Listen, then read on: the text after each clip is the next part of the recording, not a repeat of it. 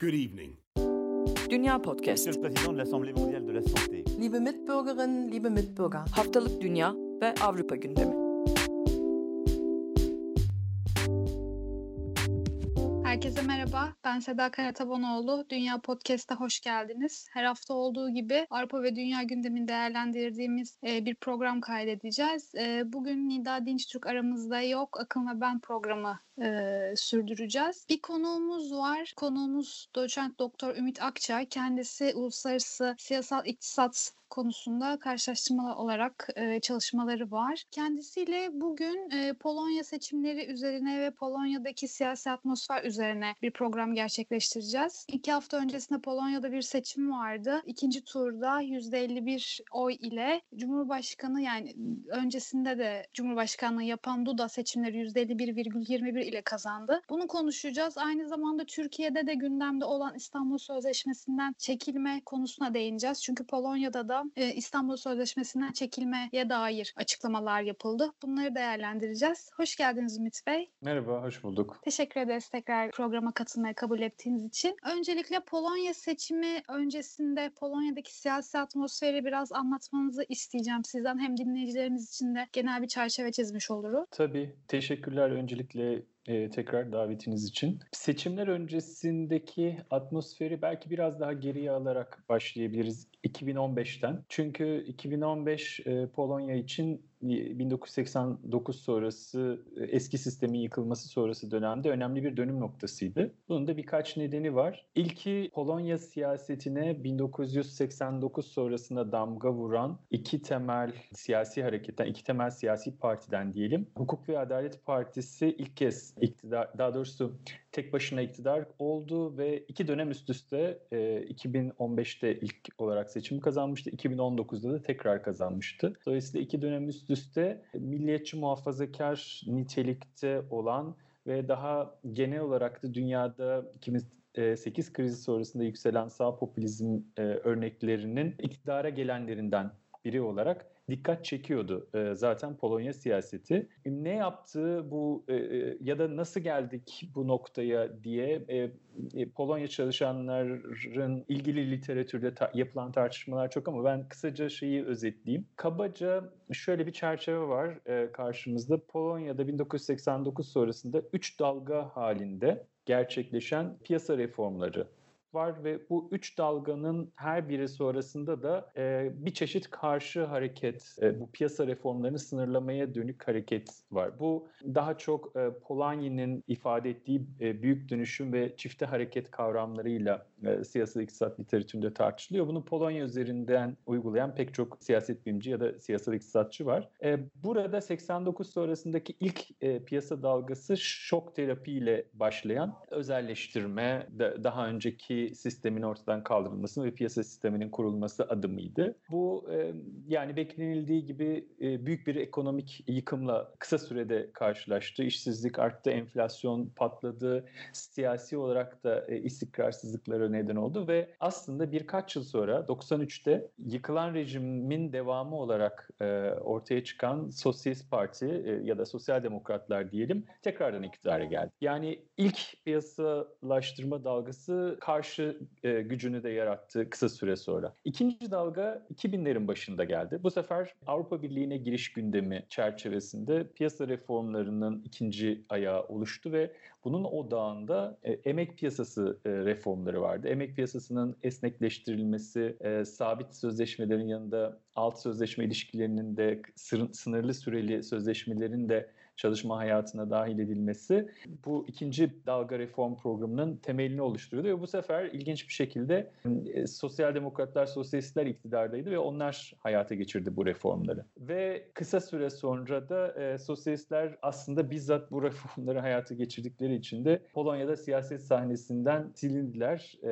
artık anlamlı bir aktör halinde e, ha, olmaktan çıktılar e, 2000'lerin başından itibaren. Bir sonuncu da hani şimdiki duruma en yakın gelişme de 2008 krizi sonrasında gerçekleşti. Bu da üçüncü dalga piyasa reformlarının hayata geçirilmesi süreciydi. Bu 2008 krizi sırasında 2007-2015 arasında Polonya'daki ikinci büyük ya da iki büyük aktörden biri olan Yurttaş Hareketi'nin liderliğindeki ilk hükümette tek başına ikinci hükümette de koalisyonun liderliği olarak merkez liberal merkez parti iktidardaydı. Onun zamanında gerçekleşti e, bu üçüncü dalga piyasa reformları ve aslında Hukuk ve Adalet Partisi'nin iktidara gelişi öncesinde bütün bu şeylere piyasa reformlarının üçüncü dalgasında bir artan tepki vardı. Şey, e, Hukuk ve Adalet Partisi bunu e, ekonomik taleplerle siyasi propagandasını e, daha sağ muhafazakar e, siyasi propagandasını birleştirerek yapmıştı. Ekonomik olarak da belki en ayırt edici yön Hukuk ve Adalet Partisi'nin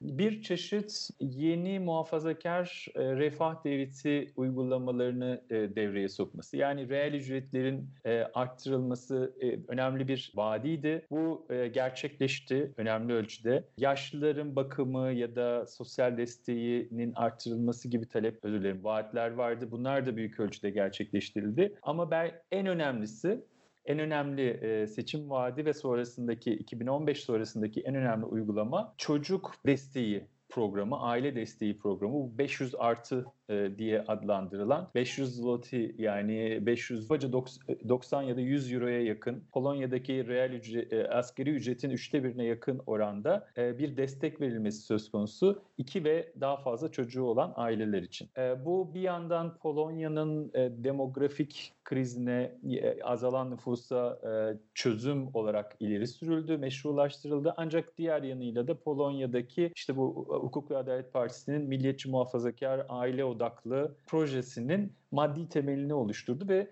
müthiş bir teveccüh gördü e, e, seçmenden açıkçası. Ve yeni bir modelin aslında buna e, e, bir anlamıyla post neoliberalizm çerçevesinde de tartışılıyor henüz netleşmese de e, yeni modelin önemli bir e, ayağı oluştu. Bu yeni muhafazakar e, şey uygulaması, sosyal yardım uygulaması. Son olarak şeyi de söyleyeyim. Bu modelin bir de ekonomik ayağının e, diğer parçası da e, firmaların yeniden Polonyalılaştırılmasını öngören, e, yabancı sermaye ağırlığını azaltmayı öngören bir çeşit ekonomik milliyetçilik e, uygulamaları ki bankacılık sektöründe özellikle e, yerli payı %50'nin üzerine geçti. Yine Hukuk ve Adalet Partisi e, sırasında, o iktidarı sırasında. E, sigorta sisteminin yeniden devletleştirilmesi gündeme geldi. Yani özelleştirmenin şampiyonu e, bir e, modelden şimdi yavaş yavaş devletin varlığıyla dengelenen bir modele doğru kaymaya başladı Polonya ve Türkiye'den de aşina olduğumuz bu yeni varlık fonu ve e, bu çerçevede devletin ekonomide daha aktif olarak rol alması gibi önlemler vardı. Şimdi bu e, şeyin, e, bu ekonomik paketin üstüne iktidar tipik bir e, popülist kutuplaştırma stratejisi ile kendi ideolojik e, e, e, angajmanlarını topluma sunmaya başladı zaten milliyetçi ve muhafazakarlık temeliydi bu ideolojinin. Şöyle bir karşıtlık kuruldu. Yani tipik biz onlar ayrımı içerisinde, bizim içerisinde işte milliyetçi muhafazakar Polonyalılar, onların e, bunların karşısında da kozmopolit aile ve dini değerlerle ilgisi olmayan hatta buna karşı kesimler olduğu propagandası yaygın bir şekilde. Yani yerli milli unsurlar ve bunların karşıtları Türkiye'den aşina olduğumuz bir terminolojiyle siyasetin dilini domine etmeye başladı. Dolayısıyla e, biraz uzun bir giriş oldu ama yakın dönemdeki seçimler öncesinde, başkanlık seçimleri öncesinde 2015 sonrasında gelişen bir süreç var. İktidara gelen bir sağ popülist parti var. İktisadi olarak uyguladığı o zamana kadarki gelenlerden farklılaşan bir ekonomi politikası var. Daha devletin aktif rol aldığı ve sosyal yardımların özellikle e, muhafazakar toplum yaratma projesine uygun olarak dizayn edildiği ve buna ek olarak da kutuplaştırma siyasetinin ana siyaset halinde geldiği bir siyasi atmosfer vardı ve toplum neredeyse Türkiye'den de alıştığımız şekilde ikiye bölünmüştü. Biraz uzun bir yanıt oldu ama giriş olarak bunları söyleyeyim. Benzer bir şey soracaktım ben de aslında. Siz 89'dan bugüne Polonya'daki iktisadi ve siyasal dönüşümü kronolojik olarak anlattınız zaten. Fakat Türkiye ile tanıdık olarak e, görebileceğimiz çok fazla etken var. Bunlardan bir tanesi bu kültürel kutuplaşma sanırım sizin de bahsettiğiniz gibi. Seçimlerin sonuçlarına baktığımızda da %51 gibi bir rakamla kazanıldığını görüyoruz. E, ve benim hafızam beni yanıltmıyorsa 2016'da örneğin kürtajın yasaklanması Polonya'da söz konusu olmuştu. Muhtemelen sizin bahsettiğiniz nüfus politikaları politikalarıyla alakalı bir gelişme olarak ve buna karşı Polonyalı kadınların özellikle kitlesel eylemleri olmuştu ve e, meclisten geçmedi benim hatırladığım kadarıyla bu yasa. Bir yaşam tarzı dayatmasının da büyük oranda işletildiğini görüyoruz Polonya siyasetinde. Kutuplaşma düzeyi olarak ve yaşam tarzı farklılaştırmalarının ön plana çıkarılması açısından evet sağ popülist bir siyaset ama e, o, o anlamda zaten benzer Türkiye ile. E, fakat e, ne tür bir benzerlik kurabiliriz? Yani benzer düzeyde bir toplumsal kutuplaşmadan bahsetmek mümkün mü Polonya siyasetinde de? Mümkün. E, hatta sadece Türkiye'yi de e, değil daha genel olarak örneğin Brexit'de yapılan tartışmaları da aklımızda bulundurarak belki genişletebiliriz. Daha genel bir trend olup olmadığını tartışmak için. Örneğin son seçimlerde yani 2015, 19 ve en son geçtiğimiz ay yapılan seçimlerde, daha doğrusu bu ay yapılan başkanlık seçimlerinde gördüğümüz bir bölünmüşlük var. O aşağı yukarı şöyle bir bölünmüşlük. Gençler ve yaşlılar arasında, ülkenin Polonya'da batısıyla doğusu arasında ama başka yerlerde sahiller ve e, iç kesimleri arasında da denize kıyısı olan ülkelerde düşünebiliriz. Kent ve kır e, kentte olmayan yer arasında, beyaz yakalı işçilerle mavi yakalı işçiler ya da köylüler arasında. Ve en sonda tabii ki zenginler ve orta sınıf ve e, aşağı sınıflar arasında bir ayrım var. Bu sıraladığım listedeki ilk özellikler yani gençler, batılıyla entegre olanlar ya da coğrafi olarak batıda olanlar ya da işte kentli olanlar, beyaz yakalılar, orta sınıf ve üstü kesimler daha çok bu sağ popülist projenin dışladığı kesimler diyelim. Ya da o zamana kadar dışlanan yani bunu 89 sonrasındaki piyasa reformları tarafından dışlanan ya da onların kaybedeni diyebileceğimiz daha kırsal alanda yaşayanlar, mavi yakalı işçiler, köylüler ya da daha alt kesimleri, daha yoksullar, e, ülkenin e, coğrafi olarak geri kalmış kesimi olarak değerlendirebileceğimiz doğusunda yaşayanlar ve e, yaşlılar e, bu süreçte daha zor zamanlar geçirmişlerdi ve bir tepki olarak aslında kendilerine farklı bir proje sunan bu sağ popülist hareketi desteklediler. Bu Türkiye ile benzer, e, benzerlikler kurulabilir.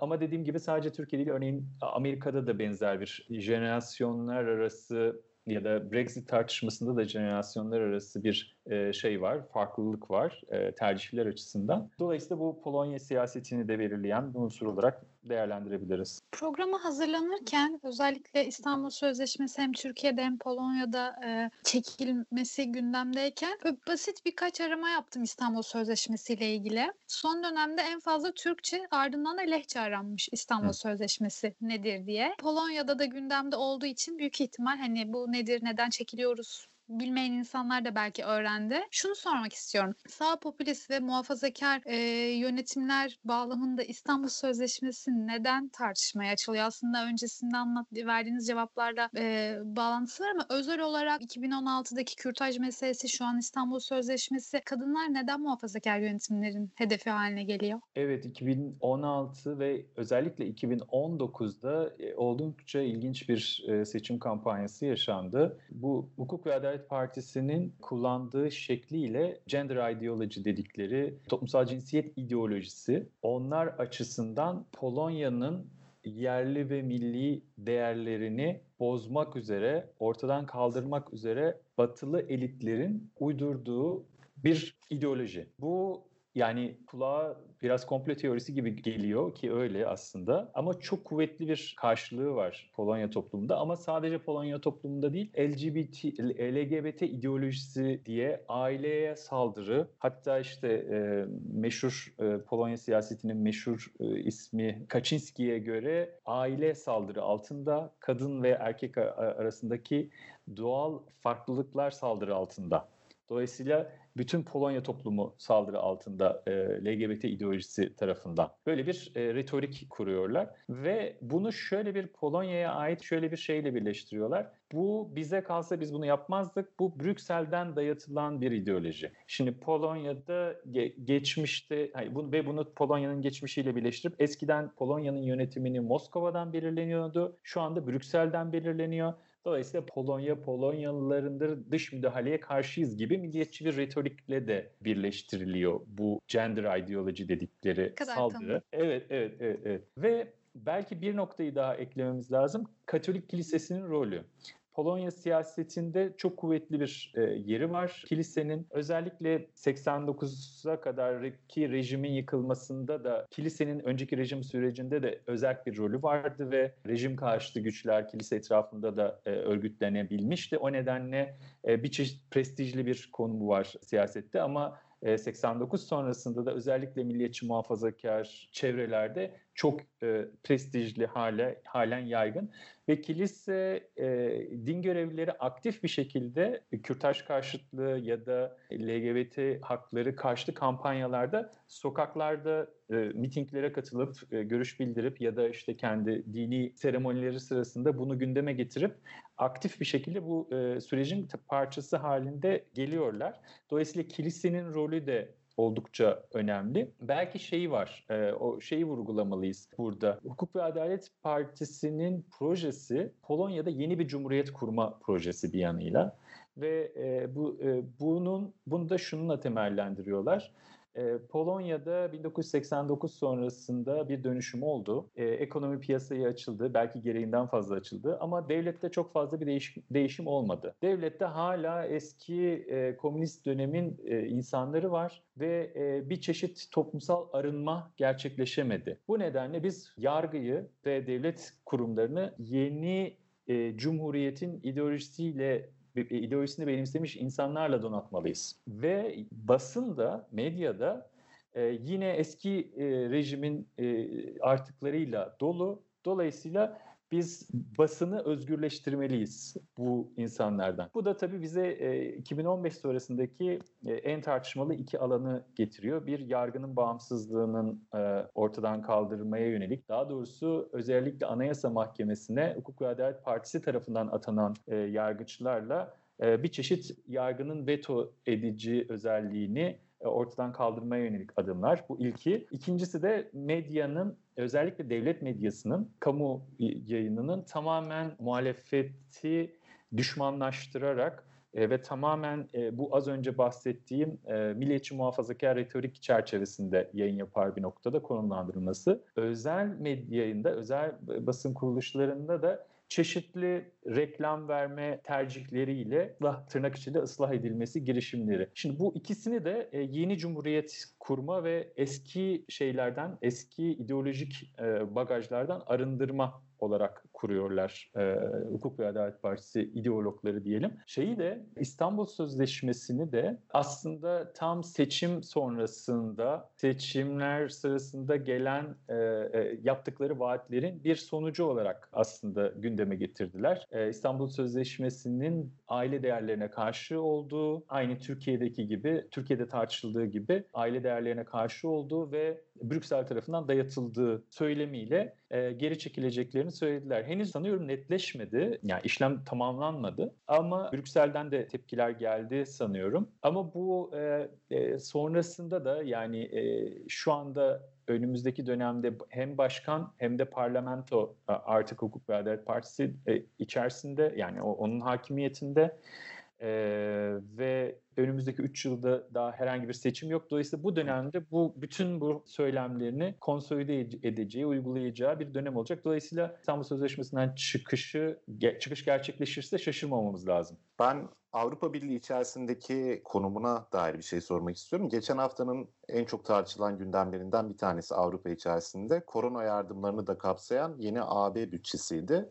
Ve bu tartışmalar sırasında Polonya ve Macaristan'ın özellikle bir tutum aldığını gördük. Ee, siz tartışmalar esnasında kullanılan argümanlardan bir tanesinin eskiden Moskova'dan yönetiliyorduk, bugün Brüksel'den yönetiliyoruz olduğunu söylediniz. Bir tür ulusal egemenliğe müdahale olarak gördükleri belli kararları tartışmaya açtılar Polonya ve Macaristan. Bu durumu e, nasıl değerlendiriyorsunuz ve neye itiraz ediyorlar tam olarak?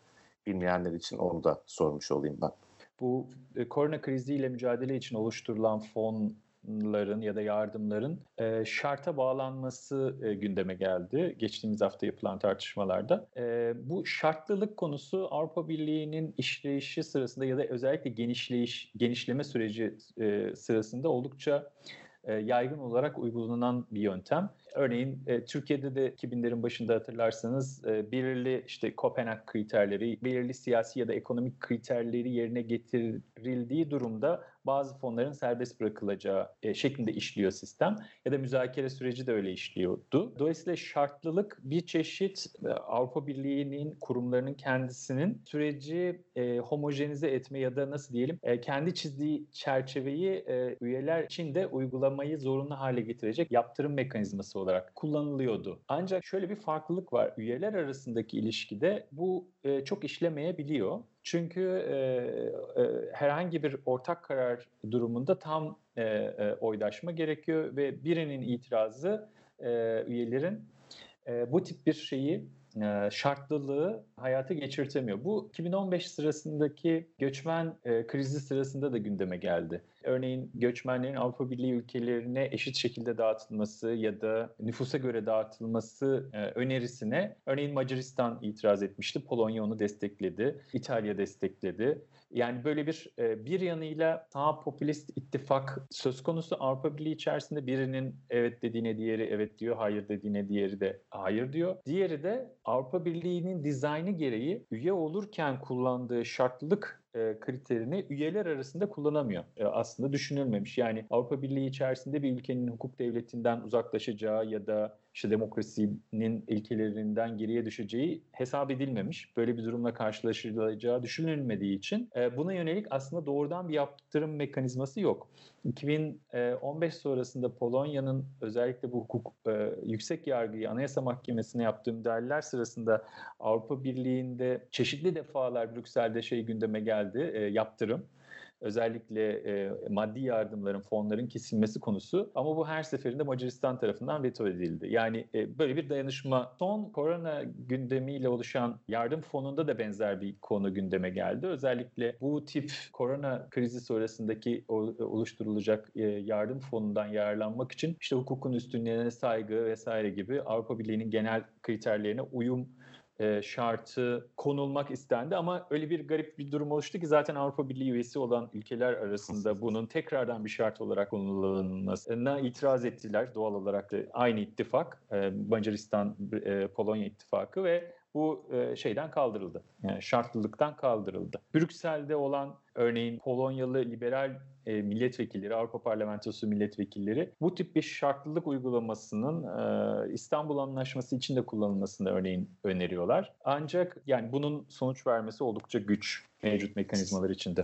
Şey sormak istiyorum. Yaptırım mekanizmalarının sadece e, aday, üye aday devletleri için geçerli olduğunu söylediniz. Üye devletler için uygulanamadığından bahsettiniz. Ancak birkaç gün önce Avrupa Birliği Polonya'da 6 belediyeye LGBT'yi içermediği için yardımları keseceğini açıkladı. Avrupa Birliği'nin bu şekilde yaptırımları olabilir mi üye devlete? Onu takip, açıkçası takip edemedim. E, henüz bilgim yok. Bakmam lazım. E, ne tip bir yardım yaptıkları ile ilgili olabilir. E, örneğin kültürel çeşitliliği arttırmaya yönelik sosyal programlar oluyor. Proje bazlı yaptıkları yardımlar. Bir de Polonya devletine altyapı yatırımlarını güçlendirmesi için e, yaptığı yardımlar. Yani farklı fon kategorileri var. Belki onlardan e, e, destekleri konusunda birini e, kesmiş olabilirler ama ana devletin yaptığı ana altyapı projelerini desteklemeye yönelik fonlarda bir kesinti ol mekanizmasını bilmiyorum en azından ben teknik olarak.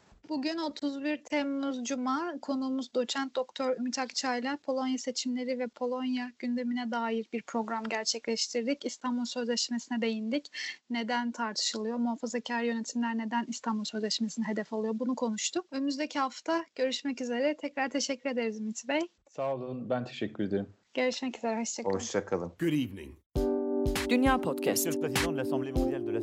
Liebe Mitbürgerinnen, liebe Mitbürger. Haftalık Dünya ve Avrupa gündemi.